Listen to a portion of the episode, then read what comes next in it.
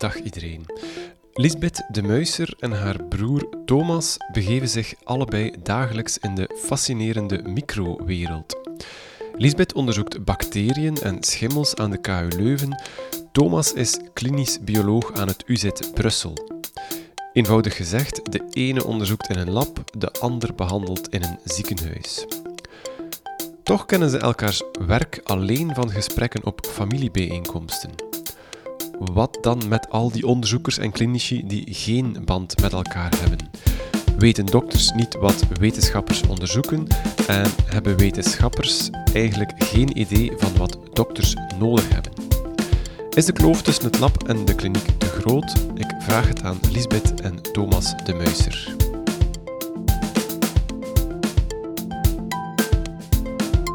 Deze aflevering is mogelijk gemaakt dankzij de steun van het Vlaams Instituut voor Biotechnologie, het VIB. Het VIB is een onafhankelijk onderzoeksinstituut waar topwetenschappers uit binnen- en buitenland baanbrekend onderzoek verrichten. VIB vertaalt dit onderzoek ook naar impactvolle innovaties en concrete toepassingen voor patiënten en de maatschappij. Dag Lisbeth. Hallo. Dag Thomas. Hallo. Lisbeth, jij deed uh, negen jaar onderzoek in het Labo voor Moleculaire Celbiologie aan de KU Leuven. Wat deed je daar precies? Ik ben daar gestart met mijn doctoraat te doen. Dus vier jaar heb ik daar uh, onderzoek gedaan. Dat was meer fundamenteel onderzoek eigenlijk. Um, naar metabolisme, hoe werkt, uh, hoe werkt een schimmelcel eigenlijk. Omdat schimmels ook infecties kunnen veroorzaken bij mensen. Niet alleen bacteriën, ook schimmels kunnen dat. Um, en daar heb ik eigenlijk meer fundamenteel onderzocht. Hoe werken die schimmelcellen? Metabolisme, hoe zit dat in elkaar? Om eigenlijk op, op lange, heel lange termijn naar een mogelijk doelwit te geraken. Een doelwit om nieuwe geneesmiddelen te ontwikkelen. Dus dat was fundamenteel. En dan bij mijn postdoc, nog vier jaar na mijn doctoraat eigenlijk, heb ik uh, meer de toegepaste kant gekozen van het onderzoek. Schimmelinfecties die komen heel vaak voor bij vrouwen. Vaginale schimmelinfecties eigenlijk is een heel groot probleem. En dan heb ik me daar eigenlijk gaan op focussen.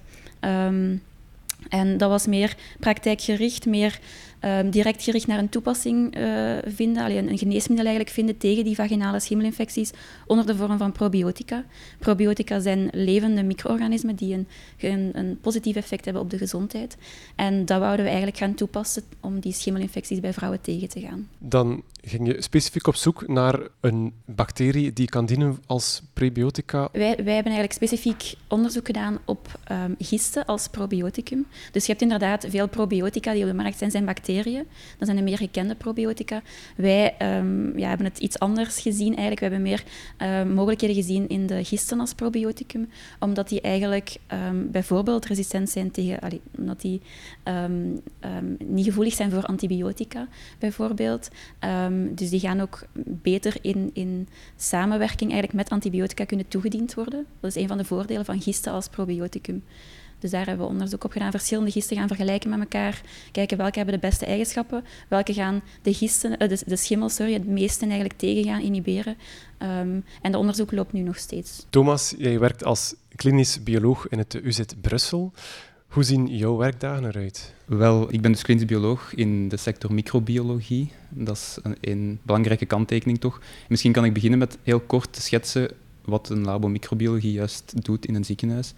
We kennen het waarschijnlijk van de COVID-testing sinds kort, maar daarnaast, naast COVID-testing, doen we ook veel bacteriologische culturen. Dus we krijgen stalen van patiënten binnen, dat kunnen urinestalen zijn, kunnen bloedstalen zijn, kan eigenlijk allerhande stalen zijn. We brengen die in cultuur, bacteriologische cultuur, Um, daarvoor hebben we allerlei um, specifieke analyses. We hebben labtechniekers die gespecialiseerd zijn in die technieken. Die zorgen dat ze de resultaten produceren en wij als klinisch bioloog gaan dan die resultaten interpreteren en dan koppelen, terugkoppelen naar de klinici, naar de aanvragers. En dan zo samen uh, een behandeling voorschrijven of behandeling aanpassen. Eventueel ook extra diagnostiek toepassen om de, de haard van de infectie duidelijk te maken. Dat is eigenlijk onze, onze rol als microbioloog binnen de klinische biologie. Over welke aandoeningen gaat het dan of kan dat heel breed zijn? Dat gaat heel breed. Hè. Dat zijn infecties in het algemeen. Dus dat kan een luchtweginfectie zijn, kan evengoed een, een bloedstroominfectie zijn of een um, centraal zenuwstelselinfectie, dat zijn dan de ernstigere. Um, hier in Tuzet, we zijn een tertiair ziekenhuis, dus wij zien wel vaak de ernstigere infecties die, die door de huisarts doorverwezen worden naar, naar ons of zelfs van een ander ziekenhuis doorverwezen worden naar ons centrum. Ehm, dus wij zien wel vaak de patiënten die al, die al verschillende stadia van diagnostiek of ook al verschillende antibiotica-kuren hebben doorstaan, die zien wij dan bij ons binnenkomen. U hebt me naar hier gebracht op, uh, op de, de dienst. Uh, we zitten hier in de kelder. Kunnen we het ook letterlijk zo zien? Zit microbiologie in het ziekenhuis nog een beetje weggestoken op dit moment? Wel, inderdaad, ja, dat, is, dat is een goed punt. Um, momenteel nog fysiek wel. Um, we zijn sinds COVID wel een beetje meer onder de aandacht gekomen, ook van de collega's in het ziekenhuis, ook naar, naar de buitenwereld toe. Hebben we ook meer appreciatie gehad, toch, gekregen toch voor ons werk. En ook vanuit de overheid um, krijgen we toch meer incentive, meer middelen om, om ons werk te doen. En dat zien we nu toch sinds een aantal jaren, dat er Europees ook wel stevig wordt ingezet op, op, op antibiotica-beleid microbiologie, ook infectiologie, want dat is wel een belangrijke samenwerking tussen ons microbioloog uit het labo en de infectioloog, de arts die de patiënt gaat zien. Die samenwerking is eigenlijk de laatste vijf à tien jaar enorm verbeterd, ook met steun van overheid en, en, en, dergelijke. Zijn jullie een illustratie van hoe het is om in het lab te werken als wetenschapper of eerder als klinicus uh, in het ziekenhuis? Ik denk het wel. Ik denk dat we misschien wel representatief zijn voor, voor onze beide velden eigenlijk. En dat we eigenlijk, omdat we familie zijn, eigenlijk toevallig samenkomen. En, en ja, zoals u zei, in, over de keukentafel eigenlijk met elkaar aan de praat geraken over onderwerpen die we misschien anders niet zouden delen, omdat we fysiek gescheiden zitten. Hè. Op de ene campus meer exacte wetenschappen en dan meer klinische wetenschappen. Um, maar ook ja, in, in, in, op andere vlakken nog gescheiden leven eigenlijk van elkaar. Ja, klopt. Wat is het grootste verschil tussen fundamenteel en klinisch onderzoek? Voor mij, in, in onze situatie hier, dus wij zitten hier in Brussel op de campus Jette van de VUB ook, hier doen we eigenlijk op de, op de Brussels Health Campus zowel fundamenteel als klinisch onderzoek. Dus voor, voor onze situatie hier is er wel degelijk een link tussen een klinische vraagstelling die we dan krijgen vanuit de kliniek, kan vanuit het labo zijn, maar kan evengoed vanuit een klinische dienst zijn, die we dan enerzijds met klinisch onderzoek gaan proberen te benaderen, maar evengoed is er dan een communicatie met eigenlijk het gebouw hiernaast waar de VUB dan is. Waar dan, dan fundamenteler onderzoek kan gebeuren, is dat dan in vitro, in vivo, kan allemaal. Dus hier eigenlijk hebben we een goede wisselwerking tussen de beide. Maar ja, dat kan e- wel op andere plaatsen, bijvoorbeeld de VUB-campus in Etterbeek, waar dat er ook een labo microbiologie is. Daar hebben we veel minder communicatie mee en veel minder translatie van hun onderzoek naar een toepassing. Ja, ik denk dat zeker vanuit mijn perspectief dan meer fundamentele kant kan belichten. Um, fundamenteel onderzoek voor mij is echt curiosity-driven. Dus is vanuit nieuwsgierigheid eigenlijk iets gaan onderzoeken. En niet per se omdat daar een vraag of een probleemstelling aangelinkt is. Um, dat is misschien nog een stapje meer fundamenteel dan wat Thomas um, net beschreef eigenlijk. ik denk voor ons is dat ja, echt gaan kijken hoe, hoe werken zaken. Hè? Echt heel in detail, hoe werken cellen, moleculen, uh, hoe werkt een al uh, op, op iets groter niveau. Um, en echt gaan kijken, ja, welke bouwstenen um, spelen ermee. En nog niet meteen dat gaan kaderen in een groter geheel om een oplossing te bieden op een probleem.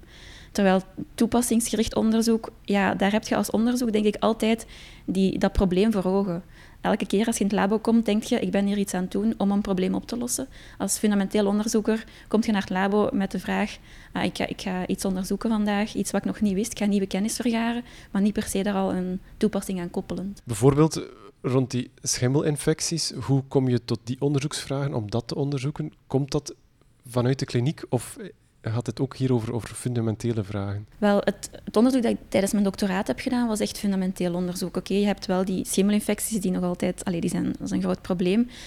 Um, maar wij gingen echt heel um, in detail kijken van hoe, hoe werken bepaalde moleculen in de schimmelcellen om dan later wel tot een toepassing te komen of tot een nieuw geneesmiddel. Maar dat was eigenlijk zo ver weg dat je daar niet dagelijks over nadacht. Van, je, werk dagelijks, op dagelijkse basis, stond niet in het teken van een nieuw middel vinden.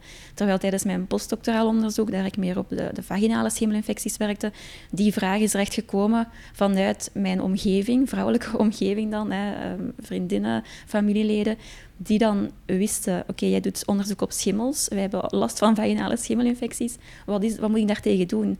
En op dat moment beseft je eigenlijk als onderzoeker, ja, met al dat fundamenteel onderzoek, dat is allemaal heel leuk en heel interessant en op lange termijn zeker waardevol. Maar wat kan ik eigenlijk voor de patiënten, of voor ja, vrouwen in dit geval, heel veel vrouwen betekenen op dit moment als onderzoeker die op onderzoek op schimmels doet? En van daaruit is eigenlijk een beetje dat project gestart op die vaginale schimmelinfecties. Van, we willen echt wel korter op de bal spelen eigenlijk. We, willen, we hebben al heel veel informatie. We weten al heel veel over die schimmels. Laat ons dan een keer korter eigenlijk, directer, naar een toepassing begeleiden. In het ideale geval lijkt het me dat het altijd zo moet zijn. Dat een patiënt, patiënten een probleem ervaart, een, arts natuurlijk ook een probleem vaststelt uh, en daar een oplossing voor wenst en dan naar een lab stapt om daar onderzoek op te doen en een oplossing te vinden. Inderdaad, en, en bij ons is dat dan eigenlijk een beetje geshortcut, omdat wij in het, in het ziekenhuis zitten. Wij krijgen de vragen eigenlijk in rechte lijn van de patiënt, via dan de, de behandelende arts natuurlijk, krijgen we ze ja, bij ons of bij de andere onderzoekscentra hier.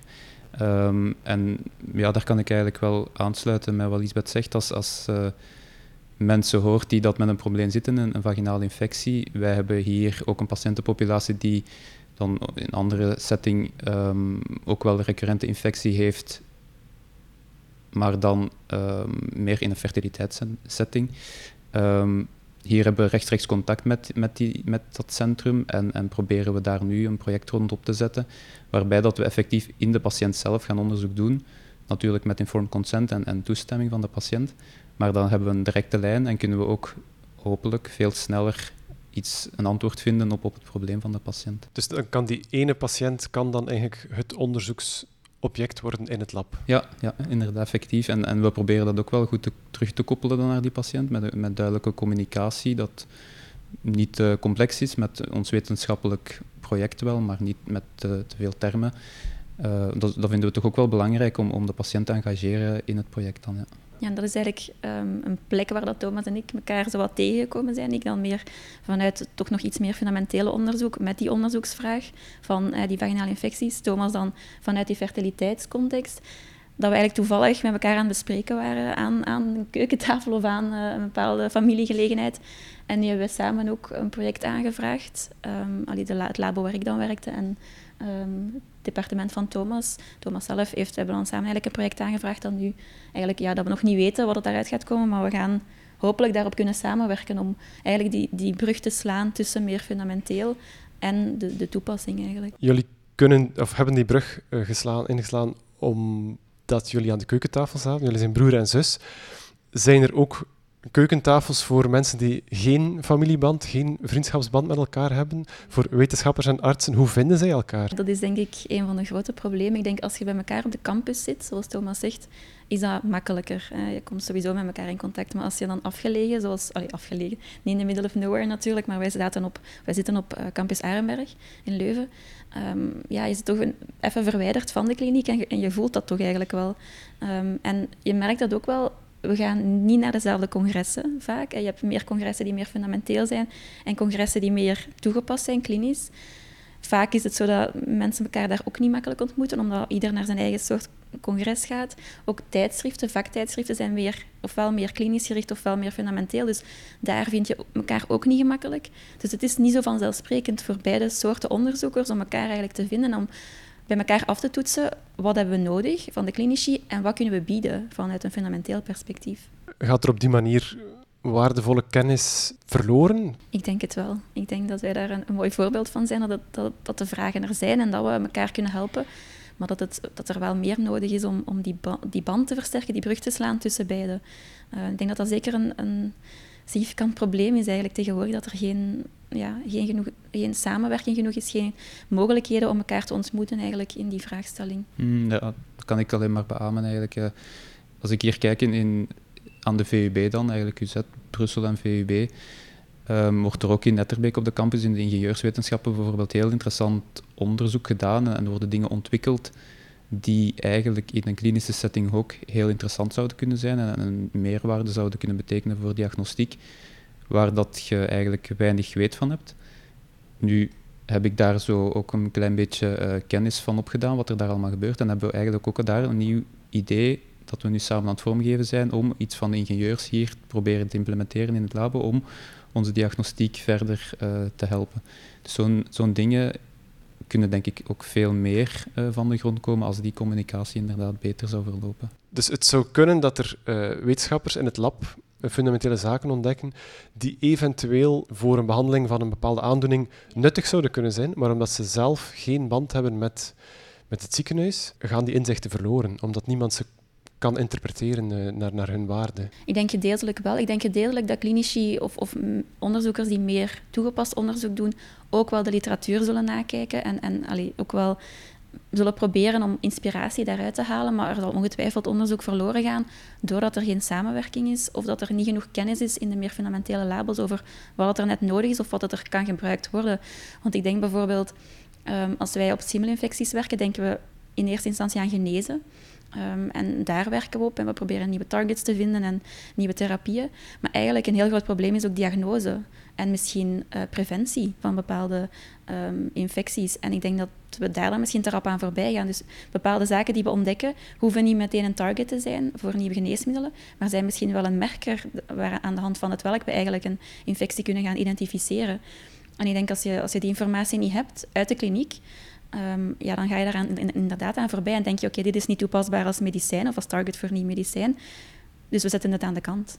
Is onderzoek dat geen link maakt met de praktijk zinloos? Uh, moeilijke vraag. um, niet per se. Alhoewel, ik denk dat er een link moet zijn, maar ze moet niet altijd heel kort zijn, niet altijd heel direct op korte termijn. Ik denk onderzoek dat absoluut geen link heeft, ja, dan denk ik wel dat het zinloos is op dit moment. En ik denk ook, um, moesten we het, alle budget uit de wereld hebben voor onderzoek, dat is iets anders. Dan zou ik zeggen, ja, waarom niet? Het, er kan ooit iets uitkomen. Maar we hebben dat niet. We hebben niet oneindig veel budget. En ik denk dat we de patiënten, en in onze sector spreken we over patiënten, dat we hen verplicht zijn om met het budget dat we krijgen, om wel hetgeen te doen wat we nu op dit moment kunnen. En we hebben, zoals ik zei, heel veel data, dus laat ons daarmee aan de slag gaan. En op termijn moet er zeker nog meer kennis komen. En ik denk dat fundamenteel onderzoek daar zeker een plaats heeft. Maar het moet altijd wel ergens in teken staan van een toepassing. Daar, vind, ben ik wel van overtuigd, ja. Ik kan me daar wel bij aansluiten, denk ik. Uh, voor mij is het moeilijker in te schatten om, om echt het fundamentele zonder een toepassing in te beelden. Wat ik me ja, kan voorstellen is wel onderzoek die, die een, ander, een andere insteek heeft, initieel, of een andere vraagstelling heeft. Zoals bijvoorbeeld met die groepen in, aan de ingenieurswetenschappen, die hadden een, een heel andere insteek initieel, waarbij dat we dan eigenlijk met hun onderzoek nu een heel andere kant op kunnen gaan en wel een toepassing naar een patiënt toe kunnen richten. Dus ik kan me wel inbeelden dat soms fundamenteel onderzoek, zonder dat het echt de bedoeling is om een, om een impact te hebben op een patiënt, dat dat toch kan doen. Maar dat is, dat is misschien niet de goede manier om eraan te beginnen. In mijn, insteek, of mijn idee is inderdaad ook wel dat vraaggericht onderzoek en een vraag vanuit een klinische setting wel de beste, de beste start is van een onderzoek. Ja. En dat hoeft niet per se klinisch te zijn. Hè. Voor alle duidelijkheid, we hebben ook allee, onderzoek op sustainability, milieu, uh, landbouw, kan uiteraard ook. Dat is ook een heel valabele uh, toepassingsdomein. Maar er moet denk ik wel inderdaad altijd een, een, toepassing aangebonden zijn, korte of lange termijn. Ik heb al een aantal zaken, of een aantal redenen gehoord waarom het zo zou kunnen zijn dat artsen en uh, onderzoekers onvoldoende contact met elkaar hebben. Maar zien jullie nog redenen waarom dat zo is? Ja, daar kan ik misschien wel een aantal opzommen. Eigenlijk, um, als klinisch bioloog zijn we specialist van het labo. Zijn we eigenlijk specialist van, van, de, van de diagnostiek in een labo. Dus wij zijn zelf heel vertrouwd met labo-werk en labo, labo-diagnostiek, labo-technieken. En is de stap naar onderzoek voor ons een stuk kleiner dan een klinicus die de dag doorbrengt aan, de aan het bed van de patiënt of uh, consultaties doet die, die collega's hier in Tuzet hebben ook, ook uh, heel andere doelstellingen in hun carrière vaak. Die, die zijn klinisch gericht voornamelijk, die willen de patiënt voorthelpen, die willen wel innovatie vaak en willen, willen nieuwe technologieën gebruiken om hun patiënt voor te helpen, maar echt onderzoek, en zeker fundamenteel onderzoek, is wel vaak niet echt hun prioriteit. Dat is voor ons als klinisch bioloog en ook andere specialismen zoals radiologie, meer de technische specialismen die zijn vaak meer vertrouwd met, met onderzoek en, en innovatie op technologie.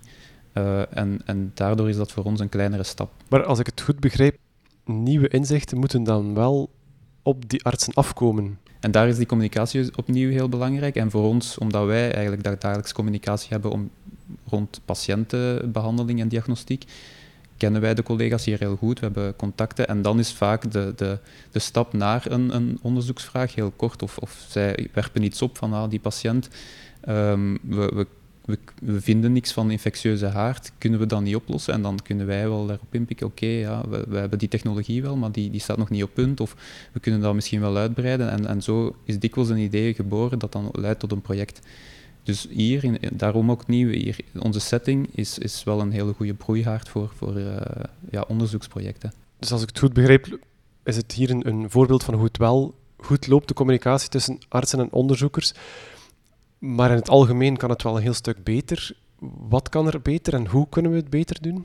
Um, ik denk dat er meer initiatief moet komen van onderzoekers zelf, vanuit um, promotoren, professoren. Hè, dat er zeker vanuit de fundamentele kant initiatief moet komen om eigenlijk meer klinici te betrekken. En ik heb wel het gevoel, want we hebben dat nu wel een aantal keer gedaan in het labo, um, dat er ook wel dat er op ingepikt wordt, dat klinici bereid zijn om mee in in jury's te zetelen van doctoraatstudenten of mee projecten aan te vragen. Maar inderdaad, ze moeten aangesproken worden. Ze gaan niet, vaak niet zelf ehm, zich komen aanbieden, zal ik zeggen.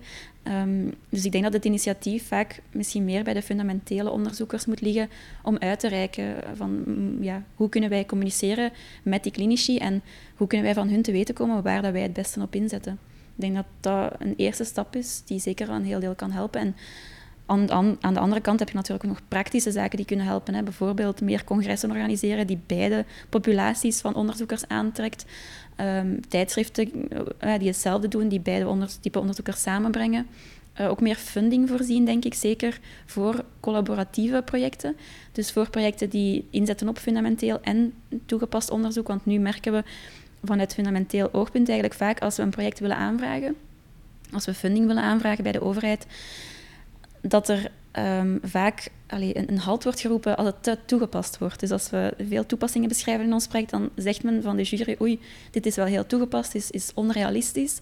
Dus daar wordt eigenlijk al bijna een stop op gezet. Vanuit de funding eigenlijk, vanuit de funding agencies. Dus als men daar al meer uh, zou inzetten, doelgericht op het, ja, het samenbrengen van fundamenteel en meer toegepaste onderzoekers, dan gaat dat sowieso komen. Want uiteraard, elk onderzoek heeft funding nodig, heeft geld nodig. En dan gaat dat automatisch, denk ik, meer, uh, meer naar voren komen. Zou dat ook over de universiteiten heen georganiseerd kunnen worden? Ik zeg maar een, een wild idee, een oproep aan alle klinici. Wat willen jullie dat de wetenschap de komende tien jaar onderzoekt? Ik denk het wel, want uh, zoals we net zeiden, Thomas is dan verbonden aan die, aan die fertiliteits, aan het fertiliteitsproject meer, aan, aan UZ Brussel.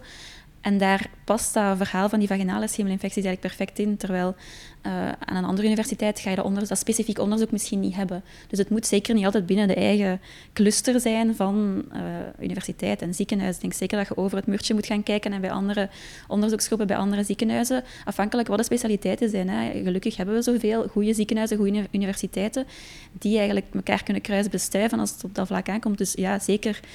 Um, ik denk zeker dat, je, dat, dat, er over de muren heen moet gekeken worden. Hmm, ja, helemaal akkoord mee eigenlijk.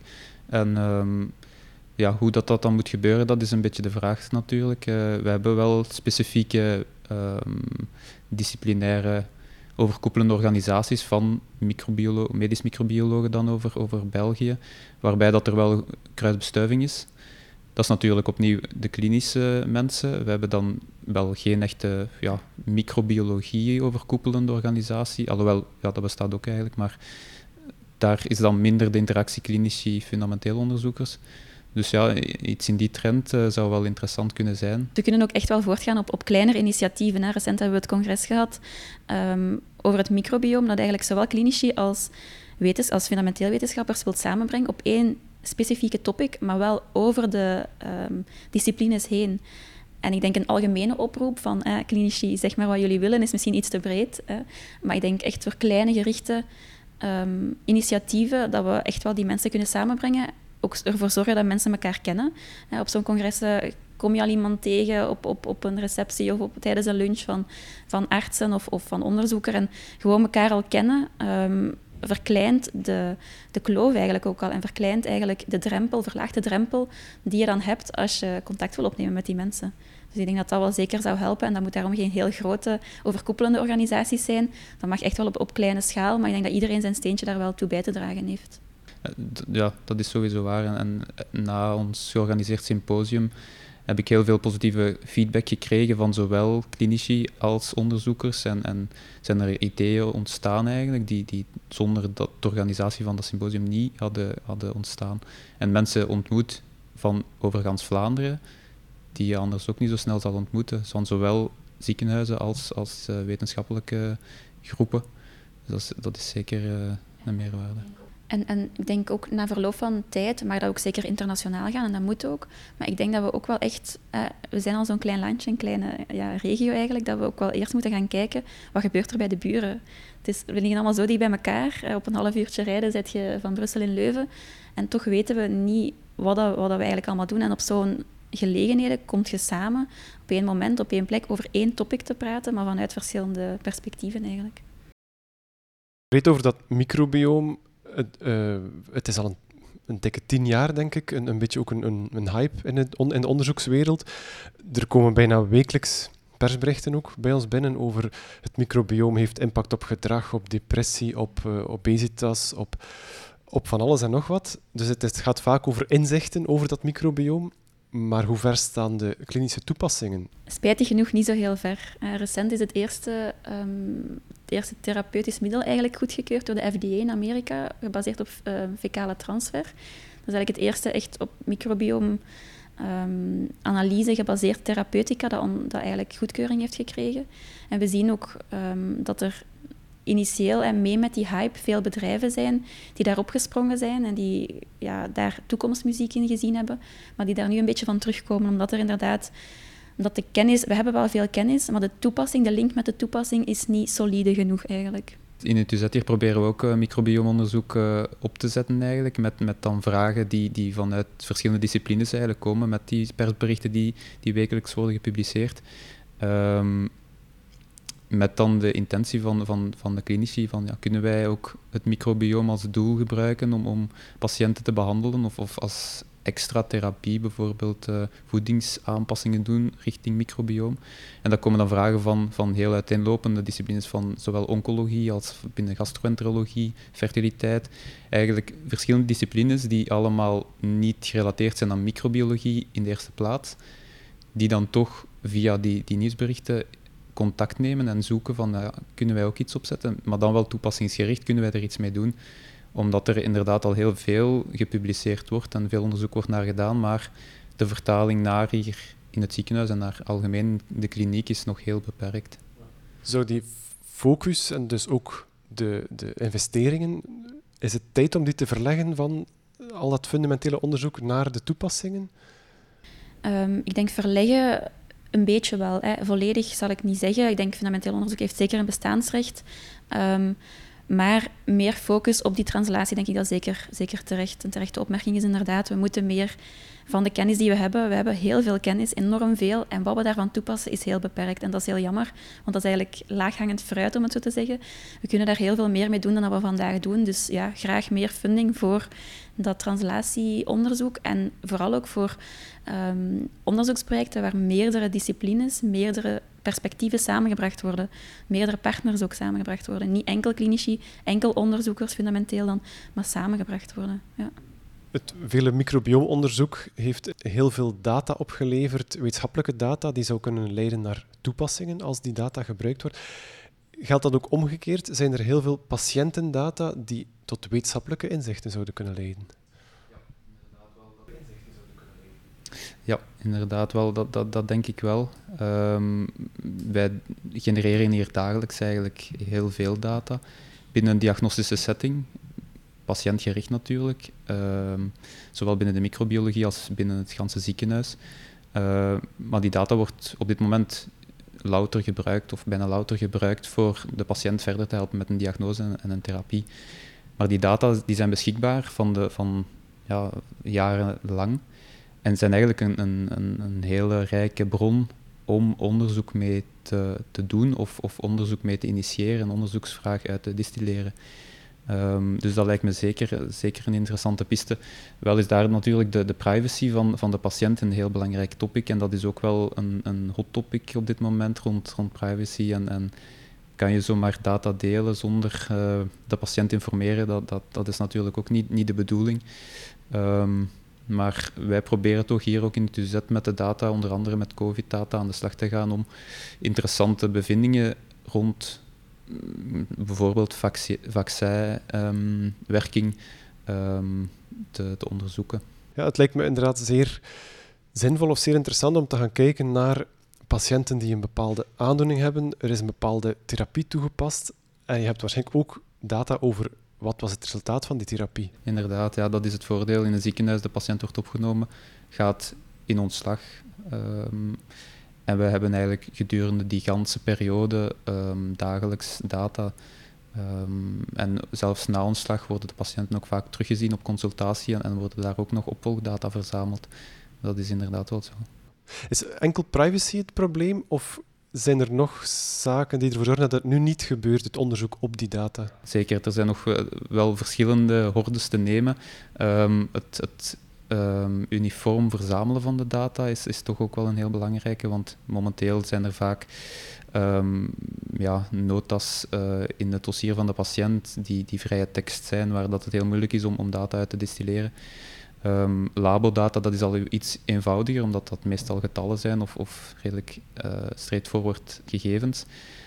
Maar in een ideale situatie zouden we natuurlijk het volledige patiëntendossier kunnen gebruiken om, om te includeren in een database. Um, daar is het dus dat Brussel ook naar het kijken om dat naar de toekomst toe op, op, punt te stellen eigenlijk, om, om dat te kunnen doen. Maar dat is op dit moment nog zeker een belangrijk punt om uh, in het achterhoofd te houden. En ik denk dat we daar ook wel met de opkomst van machine learning en artificial intelligence ook heel veel kunnen doen. Want oké, eens dat die data uniform zijn, want uiteraard een, een, een, algoritme kan niks doen met vrije tekst, of toch heel weinig. Um, ja, is daar, zitten daar enorm veel mogelijkheden in. Hè. We hebben de data en dan hebben we eigenlijk ook al de tool om dat op heel grote schaal te gaan analyseren met die machine learning. Um, en dat is een enorme bron van, van weer nieuwe informatie die in onderzoek kan geïnjecteerd worden dat is zeker iets waar dat, denk in de toekomst meer aandacht nog aan besteed zal worden en waar in de ons omringende landen al meer aandacht aan besteed wordt. Ik denk op dat vlak is België een beetje achterop aan het hinken als het op data management en data in het algemeen eigenlijk, data science uh, aankomt. Dus uh, ik denk dat daar echt wel een toekomst ligt. Ook. Hoe zouden we concreet beter kunnen omgaan met die data? Moeten daar ook extra onderzoeksgroepen voor opgericht worden? Of, of moeten er uh, vanuit de overheid bepaalde richtlijnen komen? De overheid is, is, momenteel bezig met het opzetten van Health Data Authority. Um, dat zou er begin volgend jaar, 2024, komen. Um, dus er worden wel stappen gezet, maar we zien dat die heel traag gezet worden. Um, en dat er eigenlijk meer initiatieven inderdaad vanuit de individuele universitaire ziekenhuizen vaak komen. En de, de academische wereld en de pharma eigenlijk. Eigenlijk iedereen is vragende partij. Um, maar er moeten inderdaad bepaalde richtlijnen komen die alles, ook in wetgeving, er is eigenlijk momenteel nog niet veel wetgeving die allemaal reguleert. Dus er zijn nog heel veel stappen te nemen, inderdaad, zoals Thomas zegt. Ja. Ik heb onder andere gehoord dat wetenschapscommunicatie kan helpen om uh, die uh, connectie tussen uh, klinici en onderzoekers te verbeteren, omdat bijvoorbeeld artsen ook die nieuwsberichten lezen en op die manier misschien getriggerd worden om met wetenschappers te praten. Dus ik weet wat, wat ons te doen staat. Kunnen jullie nog één concrete tip, één concrete wens meegeven om die connectie te verbeteren? Ja, als ik het zo bekijk hier in, in onze setting, de, nieuwsberichten bereiken de, de klinici en de, de ziekenhuisspecialisten wel. Vaak interesseert hun dan wel en, en, lezen ze of lezen we de, de, het artikel wel, maar blijft het daar ook bij. En, en het zou goed zijn om, om ons of, of ja, de klinici alleszins een beetje meer te kunnen triggeren om, om er ook misschien mee aan de slag te gaan binnen hun eigen praktijk of, of te kijken van um, hoe kunnen wij ook zelf iets opzetten of, of die, die toepassing zelf includeren in onze praktijk. Ik weet niet hoe, hoe dat het mogelijk is om dat te doen. Dat, is, dat is altijd een beetje de, de vraag. Want zoals ik zei, de klinici hebben vaak al, al een heel uh, boterham vol met uh, ja, klinische taken. Dus om nog iets bij te nemen is vaak niet evident. En degenen die het dan wel willen doen, die doen het ook. Die, die, die maken er tijd voor of die, die schrijven wel projecten. Uh, maar om, om ja, de, de grote bulk van de klinici ermee te triggeren, dat zou wel, dat zou wel fijn zijn. Ja, ik denk dat het zeker ook een, een, een dat het goed is om, om samen te komen en om, om van in het begin eigenlijk, als je een onderzoek start, vanaf dat je de onderzoeksvraag formuleert, om eigenlijk al naar klinici uit te reiken en het project eigenlijk samen op te bouwen. Dat de, de klinicus eigenlijk een soort van promotor wordt van het, of promotor of uh, advisor van het, van het project. En op geregelde tijdstippen dat daar advies kan gevraagd worden. Dat, er, allee, dat de laatste um, nieuwigheden binnen de, de kliniek ook meegegeven worden aan de onderzoekers. Van, Um, ja, misschien zijn er nieuwe technieken, nieuwe toestellen beschikbaar.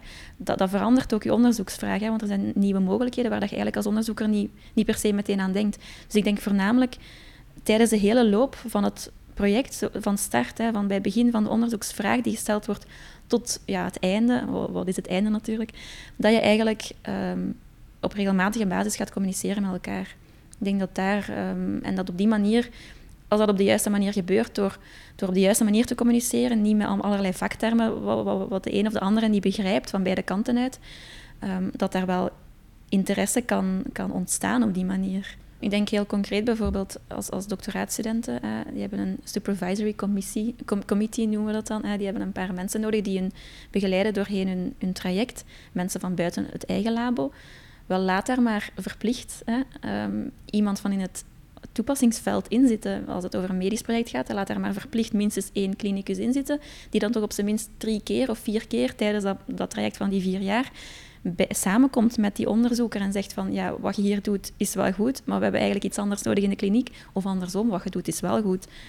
Um, laat het maar komen. Dus ik denk dat, dat, echt wel, dat we dat kunnen bereiken door heel kleine stappen te nemen, concrete dingen, um, dat dat wel moet lukken om, om daar te geraken. Maar ze moeten door verschillende stakeholders moeten die genomen worden. Zijn er nog zaken die beter kunnen? Ik denk vanuit het fundamenteel perspectief um, de publicatiedruk. Dat, dat, is nog wel een, belangrijke, denk ik. Ik denk fundamentele wetenschappers, in plaats van het labo binnen te komen en te denken, ik ga vandaag iets doen wat op termijn een toepassing kan geven, op termijn de mensheid kan helpen, om het zo te zeggen, gaan we, staan we vaak in het labo met het idee, dit moet gepubliceerd worden.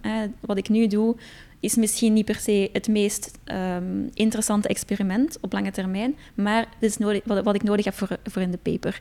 Dat is vaak, vaak wat terugkomt en dat is jammer, want je, onderzoekers gaan op die manier eigenlijk met een verkeerde ingesteldheid hun werk doen. En dat is ook demotiverend vaak, want als uw paper dan ge, uh, niet geaccepteerd wordt, ja, dan lijkt dat alsof, u, alsof onderzoek niet, niet waardevol is, wat absoluut niet is, uiteraard. Um, dus ik denk dat de druk dat we wetenschappers, onderzoekers aan opleggen om iets te moeten publiceren, dat dat eigenlijk iets achterhaald is en dat we meer moeten zeggen, uw onderzoek moet op zijn minst op lange termijn, liefst korte termijn, maar op zijn minst op lange termijn een toepassing hebben.